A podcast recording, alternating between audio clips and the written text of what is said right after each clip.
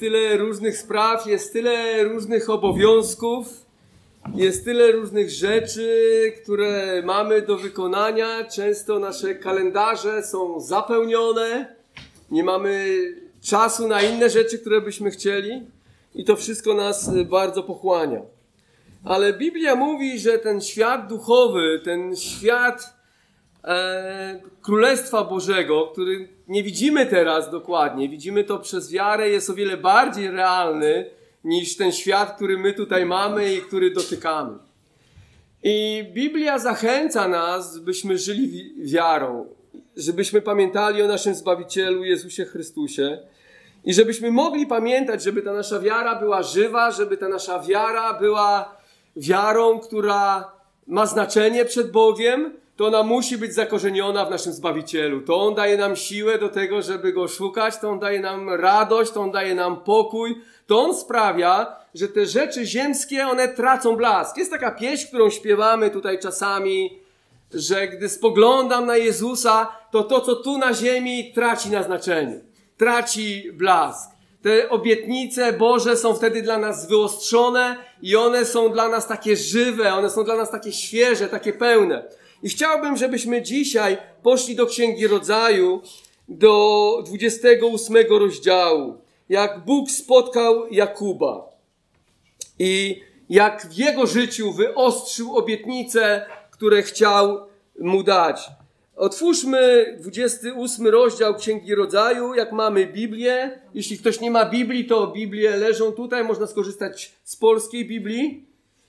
Co prawda nie mamy ukraińskiej Biblii, może trzeba by było się postarać, albo yy, mamy Ewangelię Jana chyba kilka, kilka jedynie pudełek, ale nie mamy yy, Biblii w innym języku jak polski, ale mam nadzieję, że mamy swoje, rozumiemy. Słuchajcie, i 28 rozdział Księgi Rodzaju czytamy tak. A Izaak wezwał Jakuba, pobłogosławił go i dał mu taki rozkaz. Nie bierz sobie żony spośród córek kananejskich, ale wstań, idź do Padan Aram, do domu Betuela, ojca matki twojej, i weź sobie stamtąd żonę spośród córek Labana, brata matki twojej. A Bóg Wszechmogący niechaj ci błogosławi, niechaj cię rozrodzi i rozmnoży, abyś się stał zgromadzeniem ludów. Niechaj ci da błogosławieństwo Abrahama, tobie i potomstwu twojemu po tobie, abyś posiadł kraj, w którym przebywasz jako gość, a który Bóg dał Abrahamowi. I wyprawił Izaak Jakuba, a ten udał się do Padan Aram, do Labama, syna Betuela Aramejczyka, brata Rebeki, matki Jakuba i Ezawa. Ezaw zaś spostrzegł, że Izaak pobłogosławił Jakuba i wyprawił go do Padam Aram, a stamtąd wziął sobie żonę, i że błogosławiąc go, tak mu przykazał. Nie bierz sobie żony spośród córek Kananejczyków. A że Jakub usłuchał ojca swego i matki swojej i poszedł do Padam Aram, Eza widząc to, że córki Kanańczyków nie podobają się ojcu jego, Izaakowi, poszedł do Ismaela i pojął sobie za żonę oprócz żon, które już miał, Mahalatę, córkę Ismaela, syna Abrahama, siostrę Nebojata. Jakub zaś wyruszył z Berszeby i udał się do Haranu. A gdy przybył na pewne miejsce, zatrzymał się tam na noc, gdyż słońce zaszło i wziął jeden kamień z tego miejsca i położył go sobie pod głowę i zasnął na tym miejscu. A śniło mu się, że była ustawiona na ziemi drabina, której szczyt sięgał nieba, po niej zaś wstępowali i wstępowali aniołowie Boży. A Pan stał nad nią i mówił, jam jest Pan, Bóg Abrahama, ojca Twego i Bóg Izaaka, ziemię, na, którą, na której leżysz, dam Tobie i potomstwu Twemu.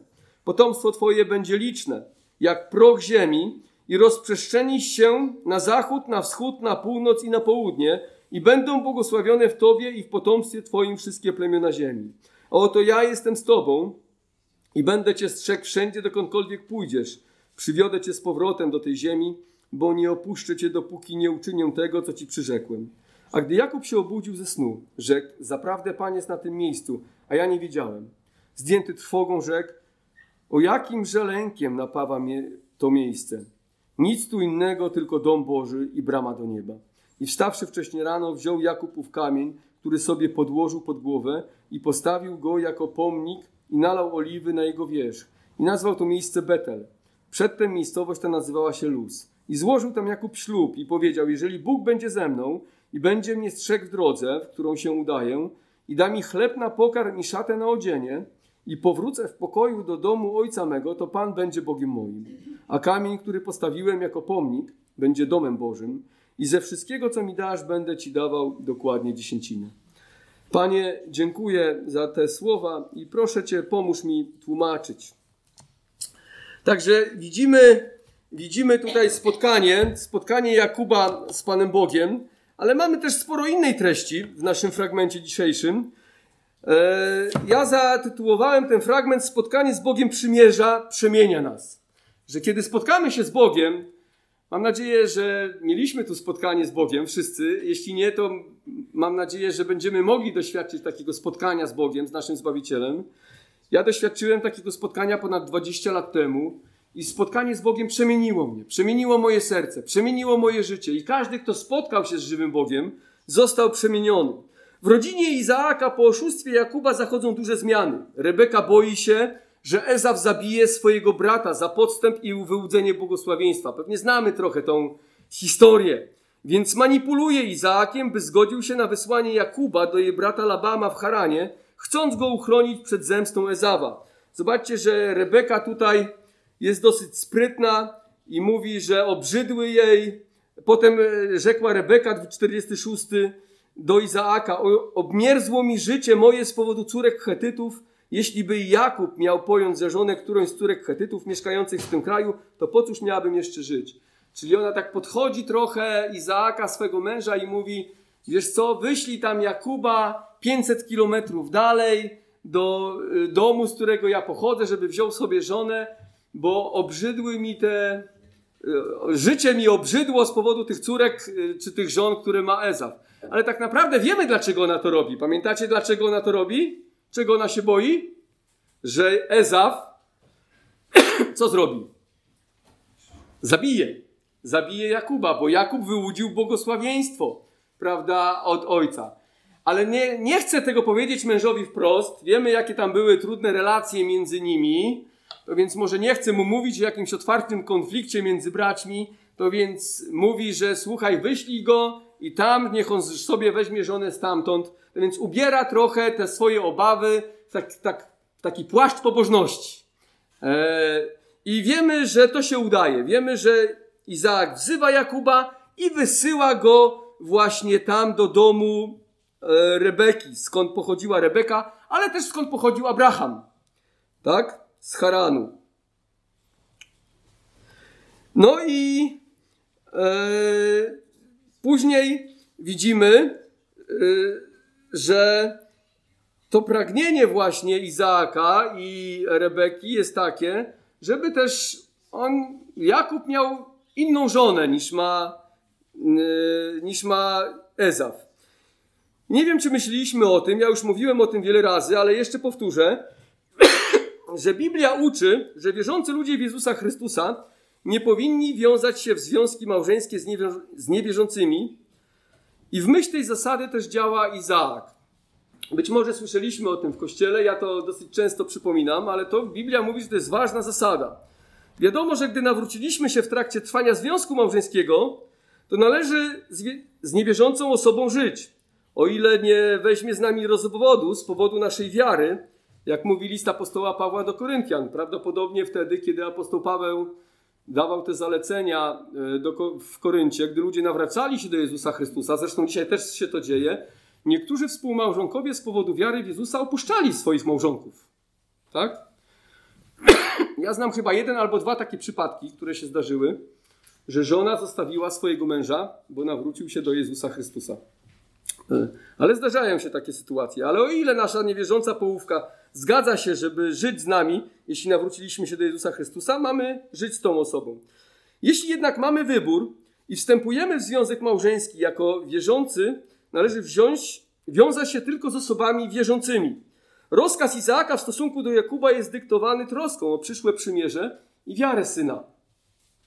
Już Ezaf wziął sobie dwie niewierzące kananejki, które przysporzyły rodzinie Izaaka mnóstwo kłopotów.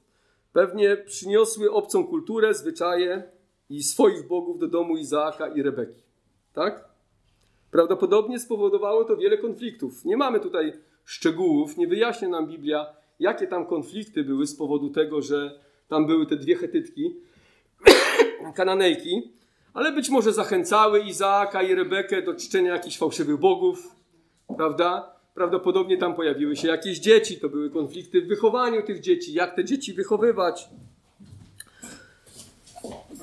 Być może jeszcze e, inne jakieś rzeczy tam się działy, o których Biblia nam nie wspomina. Podobnie jest w przypadku każdej osoby wierzącej, decydującej się na związek małżeński z osobą niewierzącą. Współmałżonek niekochający Chrystusa nie będzie nas wspierał i zachęcał w naszych wyborach duchowych. Dziękuję, Maria.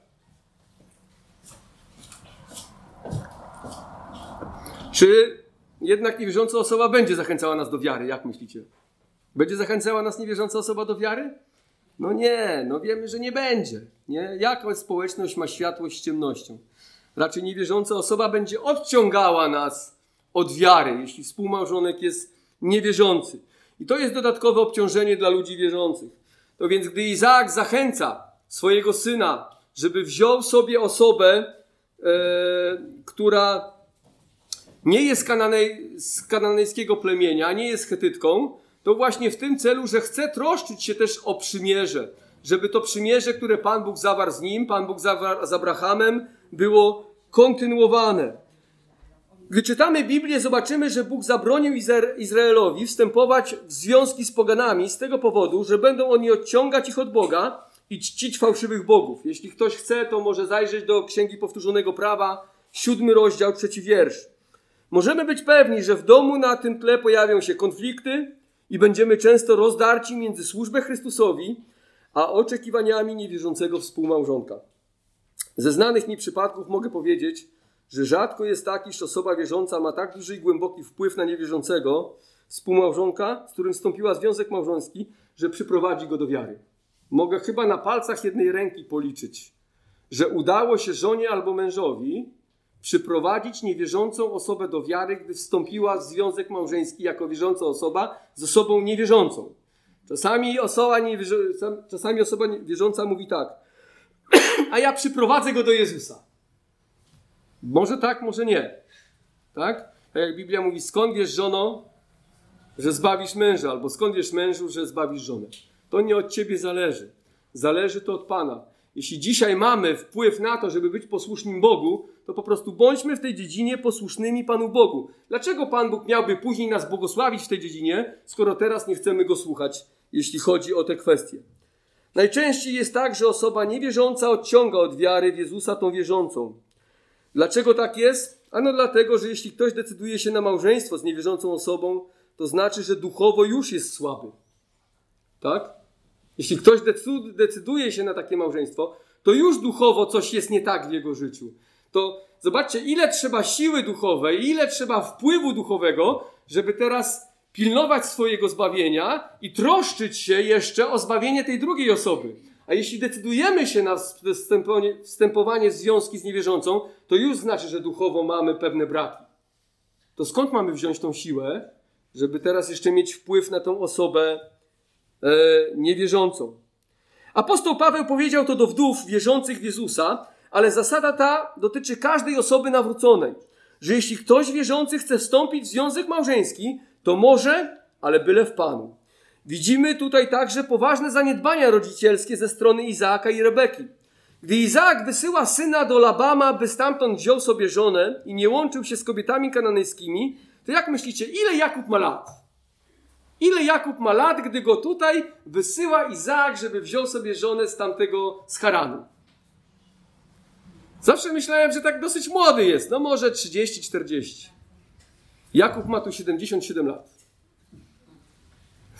Zobaczcie, on wysyła swojego 77-letniego syna, żeby wziął sobie żonę z Haranu. E, prawda? Ale co to znaczy? Co to znaczy? Dlaczego dopiero teraz mu o tym mówi? Wygląda na to, że najwyraźniej wcześniej Izaak nie pouczał swoich synów w tym zakresie. Czytamy o tym, że gdy 40 lat miał Ezaf, to co zrobił? Wziął sobie za żony dwie chetytki. Dwie kananejki. Prawdopodobnie w domu wcześniej o tym nie rozmawiano. Nie było nauki na ten temat. I zobaczcie, już tutaj pojawiły się pewne zaniedbania, pojawiły się błędy, a teraz dopiero, gdy on ma 77 lat, to poważna rozmowa o małżeństwie. nie? No. Czyli widzimy tutaj poważne zaniedbania rodzicielskie yy, Izaaka. Jest to ważna lekcja dla nas, że jako chrześcijańscy rodzice powinniśmy uczyć nasze dzieci, jakiego współmałżonka powinny szukać. Mam na myśli cechy charakteru, nie mam na myśli wyglądu, bo ja z nim spał nie będę, nie? tylko nasze dzieci będą miały związek małżeński. A więc jeśli będzie się podobał, to w porządku, tak? Ale cechy charakteru to jest kwestia, w której możemy mieć wpływ. Możemy mówić o tym, że powinna być to osoba wierząca, możemy mówić, że powinna być pracowita, że powinna być solidna, że powinna być uczciwa. Takich cech charakteru powinniśmy szukać we współmałżonku. My mamy zwyczaj powtarzać naszym dzieciom, by nie szukały sobie dziewczyny lub chłopaka, ale współmałżonka. Też nie, nie uczymy, tak jak dzisiejszy świat uczy, że mieć, trzeba mieć dziewczynę i trzeba mieć chłopaka. Ostatnio na podwórku tam, e, gdzie mieszkamy, jedna mała dziewczynka mówi do mojego syna, że już, że dzisiaj dwóch chłopaków rzuciła. to, oczywiście to wiadomo, że to tak e, żartem, bo to tam mała dziewczynka ma 10 lat, ale myślałem sobie o tym, że jeśli ludzie wyrastają w takiej idei zmieniać chłopaki, zmieniać dziewczyny, prawda, e, no to później, gdy są starsi, no to po prostu dochodzi do takich częstych zmian i to małżeństwo, tak, późniejsze, już jest obciążone jakimiś wcześniejszymi doświadczeniami. Dlatego powinniśmy uczyć nasze dzieci, że nie szukamy sobie chłopaka i dziewczyny. Mamy modlić się o współmałżonka. Mamy szukać współmałżonka. Tak? W Księdze Przypowieści Salomona czytamy w 22 rozdziale 6 wierszu Wychowuj chłopca odpowiednio do drogi, którą ma iść, a nie zejdzie z niej nawet w starości. Dzisiaj musimy się o to zatroszczyć. Kolejna rzecz w naszym fragmencie to jest, ta, to jest akceptacja Bożych wyborów. Widzimy, że Izaak wezwał Jakuba, ale wiecie, jak ta historia wyglądała. Wiecie, że Jakub w jaki sposób otrzymał błogosławieństwo od swego ojca? Czy to było tak normalnie? No nie, no on tam się przebrał, prawda? On tam skóry pozakładał, no wiemy, że Izaak już na oczy nie widział, to nie mógł go specjalnie rozpoznać, no więc on go oszukał. Ale zobaczmy, że jak tutaj przychodzi do niego, to czy teraz Izaak mówi, nie, ty wstrętny synu, oszukałeś mnie, ja już nie chcę cię znać. Czy mamy tutaj taką sytuację? No nie, widzimy, że teraz Izaak błogosławi go w otwarty sposób. Teraz już daje mu błogosławieństwo, to, które mu dał wcześniej, kiedy myślał, że daje go Ezawowi, już wiedząc, że to Jakub stoi przed nim. Czyli co nam to mówi? Że co się stało w życiu Izaaka? Zrozumiał, że to wyłudzenie wcześniejsze błogosławieństwa, to jednak Pan Bóg do tego dopuścił i pogodził się z tym że po prostu takie są Boże drogi, że Bóg chciał błogosławić Jakuba, a nie Ezawa. Drodzy, jeśli chcemy być błogosławieni przez Boga, to musimy zawracać z naszych złych dróg i uznawać Boże wybory, które Bóg sprawia w naszym życiu, jak uczynił to Izaak. Izaak mógł trwać w swoim uporze, gniewając się na Jakuba i Rebekę. Mógł tak zrobić? Mógł tak zrobić. Jest tak w niektórych małżeństwach? Jest. Jak raz go żona oszuka, to już 20 lat się do niej nie odzywa. Prawda? Albo odwrotnie. Jak raz mąż zawiedzie zaufanie, to żona 20 lat się do niego nie odzywa. Albo dzieci. Prawda? Widzimy, że tutaj Izaak zaakceptował ten Boży wybór. Nie wiem dokładnie, jak to się wydarzyło, ale prawdopodobnie przemyślał to wszystko, być może przemodlił to i doszedł do wniosku, że Pan tak sprawił. Pan tak rządził. Pan do tego dopuścił. A skoro Pan do tego dopuścił, to ja nie mogę sprzeciwiać się Panu Bogu. Po prostu muszę teraz potwierdzić to błogosławieństwo dla mojego syna. To więc, jak to jest z nami? Czy umiemy zgodzić się z Bożymi wyborami w naszym życiu? Powiedzmy, modlimy się o dobrze płatną pracę, otrzymujemy słabo płatną. Może tak być? No może tak być, tak? Modliłem się, Panie, żebym miał dobrą pracę, a otrzymuję kiepską pracę. Nie? I co teraz? Co robisz? Gniewasz się na Boga? Bóg cię oszukał? nie? Bóg nie odpowiedział na moją modlitwę, to zły Pan Bóg. Nie? Czy jednak jesteśmy gotowi zgodzić się z tym Bożym wyborem? Może Bóg ma jakiś cel, żebym w tym okresie, w jakim dał mi tą pracę, otrzymywał mniejsze uposażenie. Modlimy się o zdrowie, a okazało się, że w trakcie choroby, którą już mieliśmy, pojawia się nowa. Może tak być? Zachorowałem na raka i modlę się o uzdrowienie, a tu poszedłem do lekarza i okazało się, że grzybicę mi znalazł. Nie? No niestety, no tak jest czasami. Nie? I jak to jest? Modliłem się o zdrowie, a mam dodatkową chorobę. No właśnie, musimy umieć się zgodzić z Bożymi wyborami. To nie znaczy, że przestać się modlić o to, żeby Bóg mnie uzdrowił, bo Bóg może mnie uzdrowić i z tymi dwoma chorobami, i trzema, i czterema, i dziesięcioma. Dla Pana Boga nie ma problemu. Prawda? Tylko chodzi o to, żeby umieć odnaleźć się w tym, jak Bóg nas chce prowadzić, a nie jak my chcemy, żeby Pan Bóg nas prowadził. I widzimy, że tak było w życiu Izaaka. Modlimy się o nawrócenie naszych bliskich, a zamiast oni przybliżać się do Boga, oddalają się od Niego. Modlimy się o naszych braci i siostry w zborze, by trwali przy Panu, a oni porzucają wiarę. Modlimy się, by tego i tego dnia była dobra pogoda, a okazuje się, że jak otwieram rano, rano oczy, to co? Jak to mówi moja żona, leje jak z wora. Po prostu modliłem się, żeby było pięknie, żeby było ładnie. Mamy czasami tak. Nie wiem, pamiętam, że mieliśmy jakiegoś grilla chyba w maju, tak, czy któregoś. No i e, rano patrzę i leje po prostu strasznie. Modlił, cały zbór modlił się o pogodę. Ale Pan Bóg nie wysłuchał, no, chciał inaczej. Nie? A propos grilla, wczoraj mieliśmy, Pan Bóg dał dobrą pogodę dzięki łasce Pana Boga. Ale co wtedy robimy? Bo to ważna jest nasza postawa. Nie? Pan Bóg ma swój plan, ale co my robimy? Czy my umiemy zgodzić się z Bożymi wyborami, jak umiał zgodzić się z Bożym wyborem Izaak? Jak się zachowujemy? Czy umiemy akceptować suwerenne decyzje Pana Boga, dziękując za nie nawet wtedy, gdy Pan zdecydował, że nie dzieje się tak, jak chcieliśmy?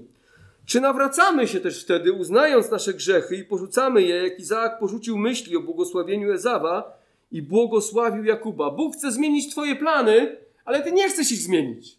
Cały czas idziesz w tym samym kierunku. Prawda? Bóg stawia ci jakieś problemy, jakieś kłopoty, żeby coś się zmieniło w twoim życiu, w moim życiu, ale ja nie chcę tego zmienić. No i nic się nie zmienia. I, I zobaczcie, że Izaak mógł tak robić. Mógł tak robić. Mógł cały czas upierać się, że to Ezaw będzie tym błogosławionym. Ale widzimy, że on nawraca się. On rozumie, że Bóg chce po prostu tutaj zmienić drogę którą on myślał, że Pan Bóg poprowadzi Ezawa. Niestety możemy upierać się przy naszych grzesznych decyzjach, nie akceptując Bożych wyborów. Możemy również złościć się na Pana Boga i mieć do Niego pretensje, że postanowił inaczej, gdy o coś się modliliśmy do Niego. Pamiętam, że zanim wybuchła wojna na Ukrainie, modliliśmy się tutaj. Modliliśmy się bardzo gorliwie. Jeździłem nawet do Gdańska na modlitwy z Ukraińcami i modliliśmy się, żeby ta wojna nie wybuchła. Żeby Bóg się zmiłował, żeby Bóg się zlitował, żeby Bóg coś uczynił. Niestety stało się inaczej. Po jakimś czasie, po tygodniu naszych modlitw, już nie pamiętam dokładnie jak długo, no wszyscy wiemy jak jest dzisiaj. Wiemy, że wojna wybuchła. I co mamy zrobić? Zezłościć się na Pana Boga? Porzucić wiarę? Tak? Zostawić te Boże wybory? I powiedzieć, e, że Bóg jest zły. No po prostu musimy uznać, że Bóg ma w tym jakiś plan. Nie znamy go, ale musimy uznać, że Bóg wie, co robi, że Bóg jest suwerenny, że Bóg ma moc, żeby nawet z tego zła wywieźć jakieś dobro. Pamiętacie, że gdy modlił się Pan Jezus przed swoim ukrzyżowaniem i modlił się o to, by ominęła go przyszła śmierć krzyżowa, to o co prosił swego Ojca? Żeby Jego wola ostatecznie się stała. Prawda? Żeby Jego wola. Mówi, jeśli to możliwe, to niech mnie ten krzyż minie. Nie? Ale nie było możliwe. Rozumiemy, że nie było możliwe. Jezus musiał umrzeć. Nie było innej drogi zbawienia. Ale Jezus miał też pragnienie wypełnić Bożą wolę ostatecznie. Nie? Ewangelia Mateusza, czytamy tak, 26-39. Potem postąpił nieco dalej, upadł na oblicze swoje, modlił się, mówiąc: Ojcze mój, jeśli można, niech mnie ten kielich minie. Wszakże nie jako chcę ja, ale jako ty. Tak? Czy w naszych modlitwach, w naszych pragnieniach właśnie tak jest? Nie jako ja chcę, ale jako Ty. Panie, modlę się o to, modlę się o tamto. Ale jeśli to nie jest Twoja wola, to jestem gotowy po prostu zmienić moje plany i zmienić moje życie. Czy Bóg zmienia czasami nasze plany? Zmienia, prawda? Zmienia plany. Bacie, zmienił plany Jakuba. Jakub musiał uciekać. Myślał może, że zostanie w swoim domu. Myślał, że dalej będzie rozwijał, nie wiem, biznes ojca, tak? Bo wyłudził błogosławieństwo i teraz tam będzie mieszkał i będzie wszystko ok. A tymczasem musi uciekać daleko, 500 kilometrów dalej do Haranu, dlatego że jego brat chce go zabić. Powinniśmy wierzyć i ufać Panu, że Jego drogi są najlepsze dla nas, nawet wtedy, kiedy w danej chwili ich nie rozumiemy. Jak możemy zaśpiewać w jednej z pieśni, czasami tu śpiewamy pieśń. Twe drogi są najlepsze, najlepsze dla mnie są. Ty, Panie, wiesz najlepiej, co dla mnie dobre jest. Kolejna rzecz w naszym fragmencie jest taka, że nie można zdobyć akceptacji Boga w sposób cielesny. Widzimy, że Ezaf zobaczył, że Jakub dostał przykaz od ojca, żeby pójść do Haranu i wziąć sobie stamtąd żonę i że to będzie się ojcu i matce podobało. To więc co robi Ezaf? Myśli sobie, muszę mieć żonę z linii Abrahama. Nie? Wtedy znajdę akceptację u ojca, znajdę akceptację u rodziców. To więc idzie i bierze sobie za żonę córkę Ismaela. Kojarzymy Ismaela? Myślę, że trochę kojarzymy. To był też syn Abrahama, tylko syn Abrahama nie z obietnicy, ale z niewolnicy, z Hagar. I, i Ezaf myśli, że w ten sposób zyska błogosławieństwo. Może myśli nawet, że Bóg, że Izaak jakby da mu na nowo błogosławieństwo. Może odbierze Jakubowi, a daje mu. Nie wiemy dokładnie, dlaczego on tak dokładnie robi, ale najwyraźniej chce zyskać aprobatę swoich rodziców, a z pewnością aprobatę swojego ojca. Jego postępowanie pokazuje nam, że nie zależało mu na Bogu. Jedynie zabiegał o akceptację ojca i jego błogosławieństwo. Nie kierował się w życiu Bożymi obietnicami, raczej chodziło mu o fizyczne powodzenie. Niezwykłe jest to, że biorąc sobie za żonę córkę Ismaela, potwierdza, jak bardzo jest daleko od duchowych dążeń bliskich Bożemu sercu. Pokazuje w ten sposób, że zupełnie nie rozumie Bożego działania i jest daleki od duchowych błogosławieństw. Bo Ismael wprawdzie jest fizycznym synem Abrahama, ale jak wiemy, w błogosławieństwie Abrahamowym został pominięty. Bo urodził się w wyniku cielesnych dążeń Abrama, a nie w wyniku obietnicy. Nie? Zobaczcie, co, Zobaczcie, to bardzo dziwnie to, ta sytuacja się układa, bo z jednej strony Ismael chce zapewnić sobie błogosławieństwo, ale co przypieczętowuje? Swoje przekleństwo. Zobaczcie, nie, nie, nie, to jest niesamowite, nie? że z jednej strony chce mieć błogosławieństwo na nowo, ale przypieczętowuje swoje przekleństwo, bo bierze sobie żonę, która nie jest z, z rodu obietnicy. Jest żoną Ismaela, a Ismael, jak wiemy, został odrzucony i wygnany z domu Abrahama.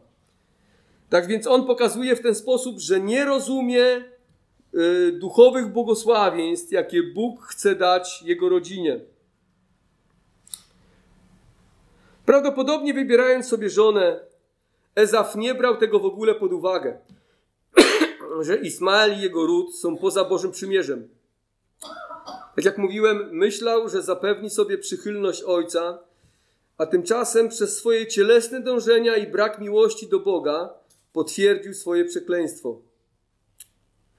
Sposób postępowania Ezawa ma głębokie znaczenie duchowe.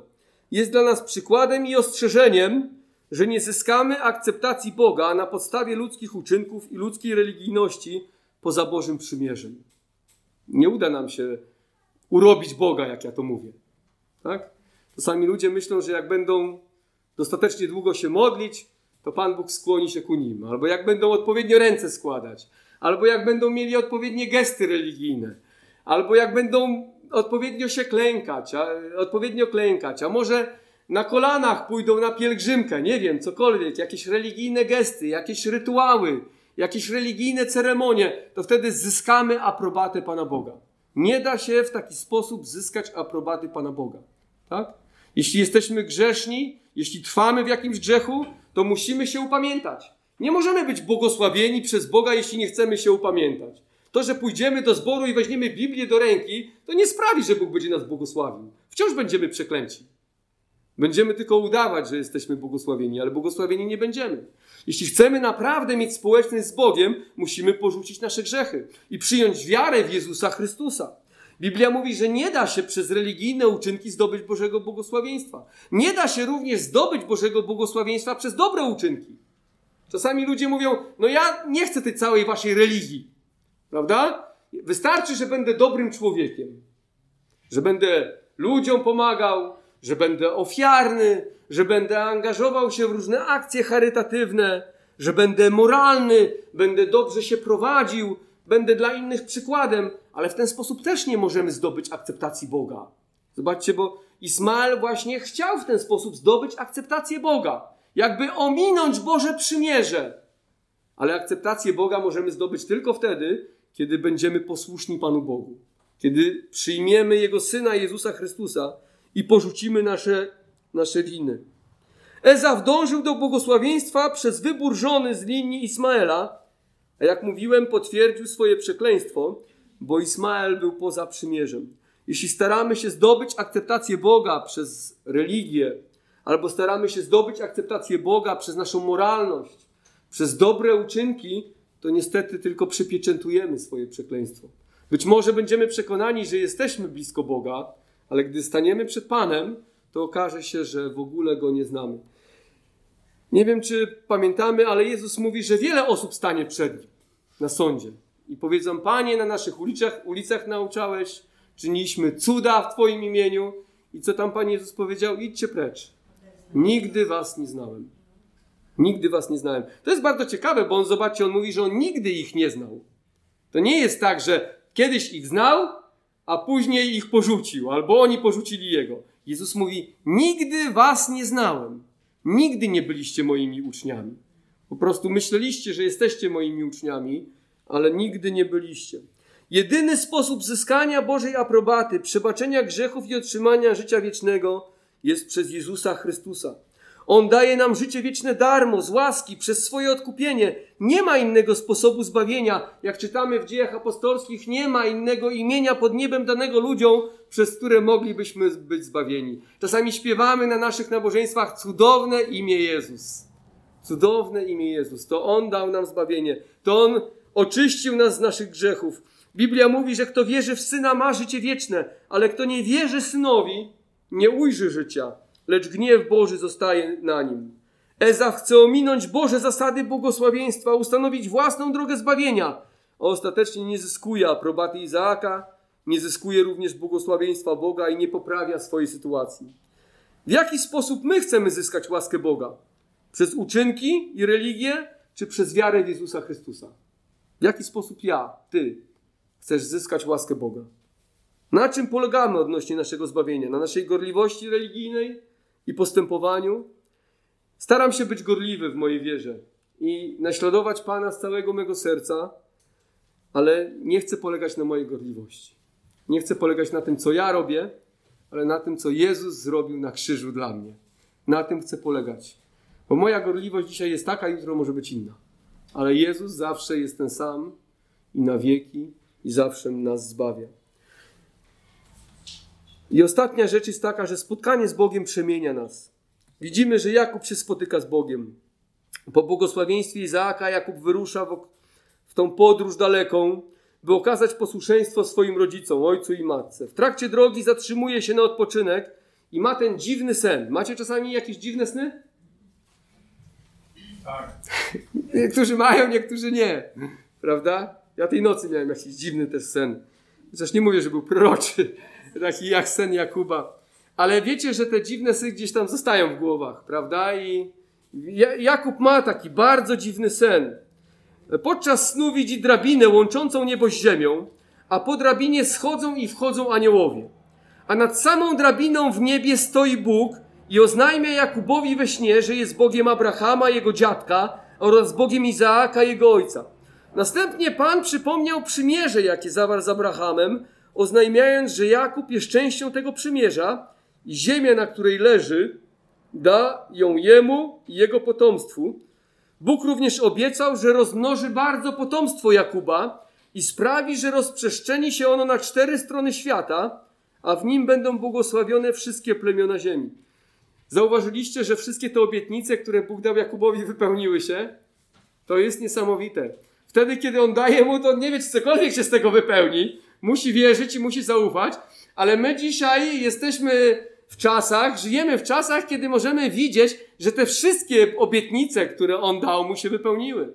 Izrael otrzymał ziemię, Bóg rozmnożył ten naród, z tego narodu przyszedł Zbawiciel, przez nasienie Jakuba, Abrahama są błogosławione wszystkie narody. Bóg zapewnił mu również jedzenie i utrzymanie i dał mu wszystko, co było potrzebne. Także wszystkie obietnice z tego y, słowa, które Bóg dał tutaj jemu, one się wypełniły. I gdy Jakub utrzymuje ten sen, on jest wstrząśnięty.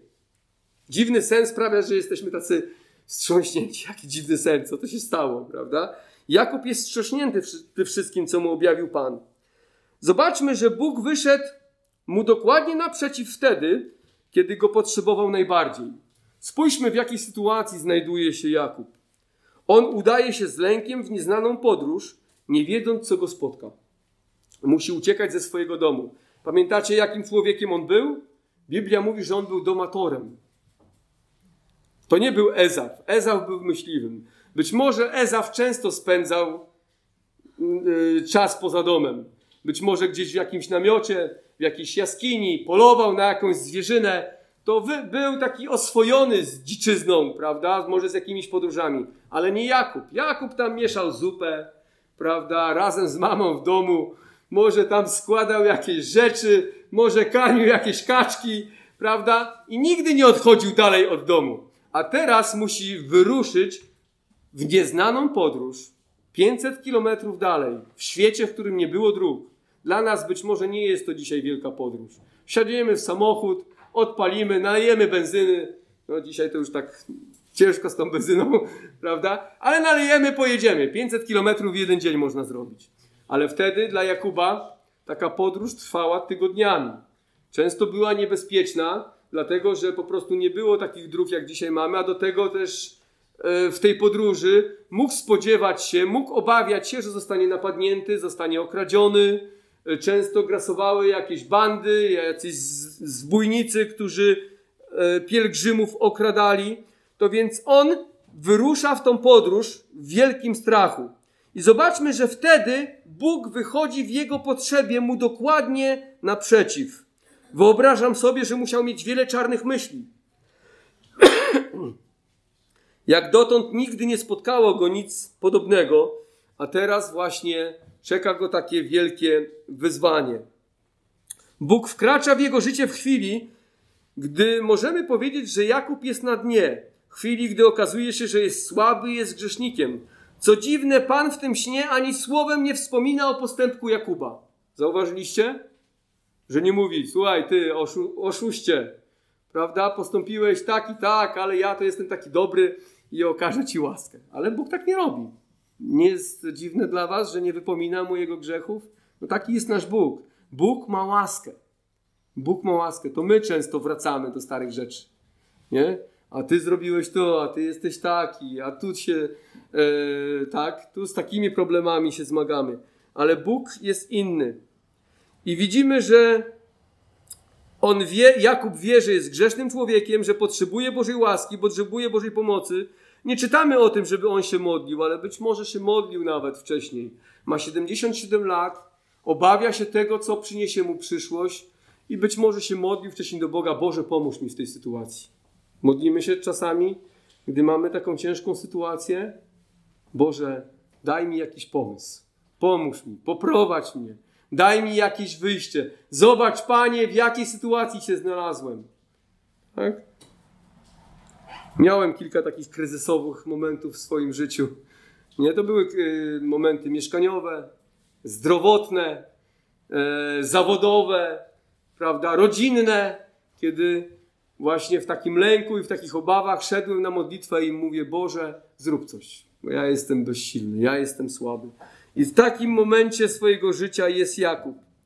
I Pan Bóg przychodzi do tego oszusta, który jest przelękniony i zdruzgotany, zapewniając go o swojej obecności w jego życiu. Bóg daje Jakubowi swe błogosławieństwo we śnie za darmo, a Jakub myślał, że musi zapewnić je sobie przez intrygi i oszustwa. Zobaczcie, to, nie, to jest niesamowite. Jakub myślał, że musi sam zatroszczyć się o to błogosławieństwo, że musi oszukać swojego brata, żeby je nabyć, a w jaki sposób ono do niego przychodzi? Kiedy on śpi nie robi nic. Prawda? I Bóg daje mu, je, Bóg daje mu za darmo. Zobaczcie, on myśli, że musi tu zrobić, oszukać brata, to pierwszeństwo zrobić, pierworództwo, wiele innych rzeczy, a Bóg daje mu za darmo. Bóg jest nasz łaskawy. Bóg nasz jest dobry, ma łaskę dla nas. Choć nie zasługiwał Jakub na Bożą przychylność, to Bóg mu ją daje. Czy to nie jest niesamowite, że wtedy, kiedy zasługiwaliśmy na śmierć, na potępienie, On przyszedł do nas ze swoją łaską, jak przyszedł do Jakuba. Pan nie wypominał mu jego grzechów i nam też nie wypomina. Przebaczył mu jego winy i powiedział, że będzie z nim i że będzie mu błogosławił i nie opuści go. Pamiętacie? 15 wiersz. Oto ja jestem z tobą i będę cię strzegł wszędzie, dokądkolwiek pójdziesz i przywiodę cię z powrotem do tej ziemi, bo nie opuszczę cię, dopóki nie uczynię tego, co przyrzekłem. Takie Bóg ma błogosławieństwo dla grzesznika.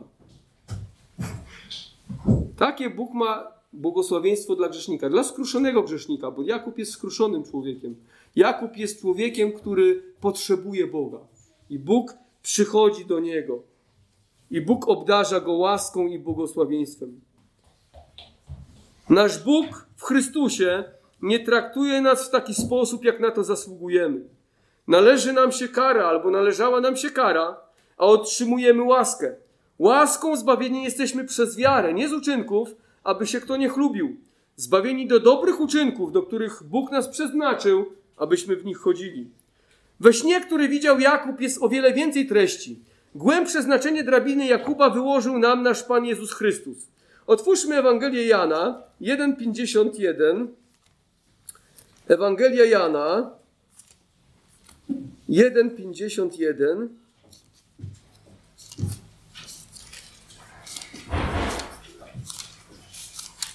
Może, może dla niektórych z Was coś powiem ciekawego. Może nawet jakąś tajemnicę objawię. 1,51, zobaczcie. I zwróćmy uwagę. Powiedział do niego, e, do Natanie, Natanaela. Powiedział też do niego: Zaprawdę, zaprawdę powiadam wam, ujrzycie niebo otwarte i aniołów bożych wstępujących i wstępujących na syna człowieczego. Widzimy, że Pan Jezus nawiązał do drabiny Jakuba. Jezus mówi do uczniów, nawiązując do tej drabiny, że ujrzą niebo otwarte i aniołów wstępujących i wstępujących na syna człowieczego. Wypowiedź Pana Jezusa następuje po tym, gdy przychodzi do niego Natanael, a Pan objawia mu, o czym myślał pod drzewem figowym. Pamiętacie, to jest ta sytuacja, że widziałem Cię pod drzewem figowym. No i wtedy Natanael mówi, mistrzu, Ty jesteś, prawda, Mesjaszem. Ty jesteś tym, na którego czekamy. A o czym Natanael mógł myśleć e, pod drzewem figowym? Ja myślę, że myślał o drabinie Jakuba. Myślę, że myślał, jakie znaczenie ma drabina Jakuba. I on o tym myślał pod tym drzewem figowym, dlatego Pan Jezus, mówiąc do niego, nawiązuje do tej drabiny Jakuba. To więc myślę, że Natanael zastanawiał się pod tym drzewem figowym nad tą drabiną i Pan Jezus mówi mu właśnie o tej drabinie, wyjaśnia znaczenie tej drabiny. A jakie jest znaczenie tej drabiny Jakuba? Pan Jezus mówi, że on jest tą drabiną. Że to, co widział Jakub we śnie, tą drabinę łączącą niebo z ziemią, to Jezus jest tą drabiną. Jezus jest tym, który łączy niebo i łączy ziemię. Jezus jest tym, przez którego możemy po tej drabinie gdzie dojść? Do Boga. Jezus otworzył dla nas niebo. Jezus jest tym, przez którego możemy mieć społeczność z naszym Ojcem. Bóg może błogosławić Jakuba i wysłać na pomoc mu swoich aniołów i błogosławić nas, bo Pan Jezus umożliwił nam przez swoją ofiarną śmierć za nasze winy dostęp do Boga. On wyszedł nam naprzeciw w naszej rozpaczliwej potrzebie i pojednał nas ze swoim Ojcem, otwierając dla nas niebo. Dzisiaj każda Boża pomoc i każde Boże błogosławieństwo oraz każdy anioł, który przyjdzie do nas od Boga, może to uczynić ze względu na Chrystusa, który otworzył nam drogę do Boga. Jeśli Bóg daje nam aniołów, jeśli Bóg daje nam jakąkolwiek opiekę, jeśli Bóg w jakikolwiek sposób nas błogosławi, to dlatego, że Jezus za nas umarł. Nie dlatego, że jesteśmy dobrymi ludźmi. Nie dlatego, że tak się bardzo staramy. Nie dlatego, że tak gorliwi jesteśmy w szukaniu Pana Boga i tak często się modlimy, ale dlatego, że Jezus za nas umarł. Gdyby Jezus za nas nie umarł, to nasze starania i modlitwy i cokolwiek robimy dla Boga nie miałoby żadnego znaczenia. Bo i tak nie przejednałoby Boga, i tak nie zbliżyłoby nas do Boga, i tak nie otworzyłoby dla nas nieba. Jakub, widząc tą drabinę na tamtym etapie objawienia, nie mógł jeszcze dokładnie wiedzieć, że chodzi o Pana Jezusa. Ale podobnie jak Abraham uwierzył, zaufał on Bogu, że przez niego, przez jego potomstwo Pan pobłogosławi całą ziemię. Co czyni Jakub w odpowiedzi na Bożą łaskę? No Jakub jak to Jakub. Umowę trzeba zawrzeć. nie? Wiecie, on już miał doświadczenie w tych umowach. Najpierw umowę z bratem, może miał jeszcze jakieś inne umowy, no to on już te targi z Panem Bogiem przeprowadza, nie? Jeśli będziesz mi błogosławił, jeśli sprawisz, że będę miał jedzenie, że będę miał opiekę, no to ja będę dawał Ci dziesięcinę, prawda? I ja y, uczynię Ciebie swoim Bogiem. Można powiedzieć, że stawia trochę takie warunki Panu Bogu. No niestety to jest bardzo niedojrzałe. Myślę sobie, że my też czasami tak robimy, Mówimy, Boże, jeśli zrobisz to i to w naszym życiu, to ja wtedy zrobię to i to i to. Albo jeśli ja zrobię to i to, to Ty, Boże, zrób to i to i to. Prawda? To jest taka niedojrzałość nasza. No, nie, możemy stawiać Bogu warunków. Nie powinniśmy stawiać Bogu warunków. To Bóg jest Bogiem, a nie my. To więc te obietnice Jakuba są niedojrzałe, ale to, co pozytywnego jest w tym, że Jakub chce okazać Bogu wdzięczność. To jest dobre. Nie wie może dokładnie, jak to zrobić jeszcze, bo on dopiero poznaje Boga. I wiemy z jego życia, że 20 lat minęło, zanim Pan Bóg go trochę oszlifował. Trafia do Labama, tam po prostu ma różne doświadczenia, zostaje oszukany, prawda, przez swojego wujka. To więc Bóg go szlifował. Ale na tym etapie, na jakim on się znajduje, on chce okazać Bogu wdzięczność. On chce okazać Bogu serce w taki sposób, że podziękować mu za to, co Bóg sprawił w jego życiu. I składa Panu Bogu te wszystkie obietnice. Uwielbia Boga w tym miejscu, stawia tam pamiątkowy kamień i nazywa to miejsce Betel. Trochę nie wiem, czy zauważyliście, ale trochę on tak, ja bym powiedział, że on tak trochę bełkocze nawet. A gdy Jakub obudził się ze snu, rzekł, zaprawdę Pan jest na tym miejscu, ja nie wiedziałem, zdjęty trwogą rzekł, jakże lękiem naprawa mnie to miejsce, nic tu innego jak tylko dom Boży i brama do nieba. Prawda? Nie? Być może teraz ktoś jeździ tam do Betel i ma nadzieję, że też będzie miał taki sen, jak miał Jakub. Kiedyś mi opowiadał znajomy, że y, ludzie, którzy jeżdżą do Izraela i wchodzą do Jordanu, tam nabierają sobie wodę y, w, w, jakiś flakonik, przywożą do domu, no i mają tą wodę, w której Jezus się ochrzcił. Prawda? Jakby to miało sprawić, że będą bardziej błogosławieni. Albo ktoś idzie na górę oliwną, to znaczy górę oliwną to ogrodzono, bo pewnie byłaby dolina, e, nie? Bo ludzie tam jadą, no jakiś kamień, ja muszę mieć kamień, bo to może będzie ten kamień, po którym Pan Jezus chodził, prawda? No nie jesteśmy błogosławieni przez przedmioty, przez to, że dotkniemy kamienia, którego Pan Jezus dotykał, czy nie wiem, napijemy się wody, którą Pan Jezus pił, czy nawet dotykał. Jesteśmy błogosławieni dlatego, że Jezus za nas umarł. Ale e, widzimy, że Jakub nie wie dokładnie, co się wydarzyło. Myśli, że to jest jakieś wyjątkowe miejsce, ale to nie chodzi o to, że miejsce jest wyjątkowe. Wyjątkowy jest Boży plan, który Bóg miał w stosunku do niego, i Bóg mu po prostu ten plan tam, w tym miejscu objawił. Oczywiście obietnice i deklaracje Jakuba są niedojrzałe. Ale on, to jest dobre, że on uwielbia Boga i my również powinniśmy uwielbiać Boga, kiedy Bóg zbawi nas przez swoją łaskę. Powinniśmy służyć Bogu, powinniśmy oddawać Mu cześć. Rozumiem też, że nasza, nasza służba dla Pana, nasze oddanie Panu jest coraz bardziej dojrzałe. Na początku to może są takie targi, tak? Ale gdy poznajemy Boga, to to nasze oddanie Panu Bogu, ta nasza wdzięczność jest coraz na wyższym poziomie. To więc każdy, kto wzrasta, kto lepiej zna Boga, służy Bogu coraz lepiej. Tego życzę sobie i tego życzę Wam. Podsumowując, cztery rzeczy powiedzieliśmy sobie. Po pierwsze, wierzący w Pana Jezusa ludzie powinni łączyć się w związki małżeńskie tylko z chrześcijanami. A wierzący rodzice powinni wychowywać swoje dzieci, ucząc, jakiego współmałżonka wybrać, jak być dobrym przyszłym współmałżonkiem. Na przykład uczyć swoje dzieci o wstrzemięźliwości seksualnej aż do ślubu. Czy uczymy takich rzeczy? Prawda? Czy rozmawiamy o tym z naszymi dziećmi?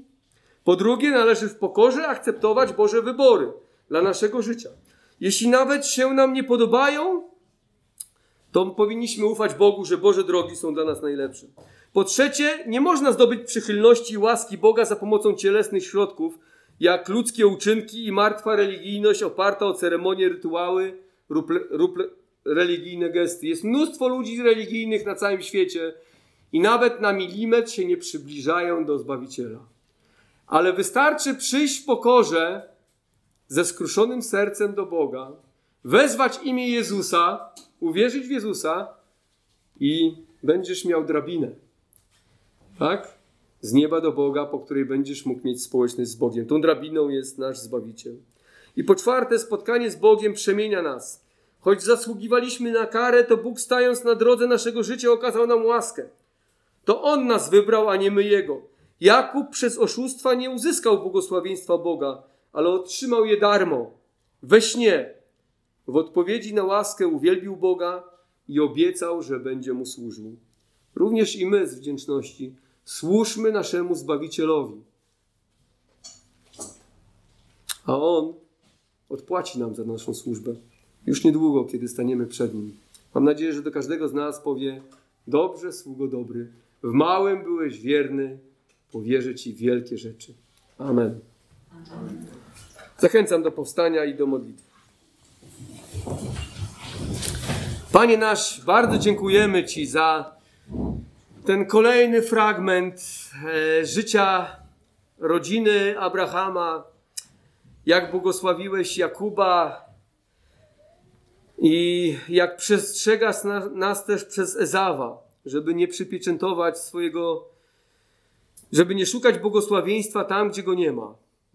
Bo w naszych uczynkach, w naszej gorliwości i w naszej religijności nie ma Twojego błogosławieństwa, ale jest w Jezusie Chrystusie, w Twoim Synu. Panie, pomóż nam oprzeć się mocno na ofierze Twego Syna, na łasce, którą nam okazałeś przez Jezusa Chrystusa i w mocy tej łaski działać. Boże, pomóż nam być wdzięcznymi, jak był wdzięczny Jakub, chociaż widzieliśmy wiele niedojrzałości w życiu tego człowieka, bo nie znał Ciebie jeszcze zbyt dobrze, ale chciał okazać Ci wdzięczność i chciał Ciebie uwielbić. I proszę Cię o mnie samego i o nas, abyśmy mieli takie ochotne serca, żeby być wdzięcznymi e, za to, co dla nas uczyniłeś, za zbawienie i służyć Tobie. Amen.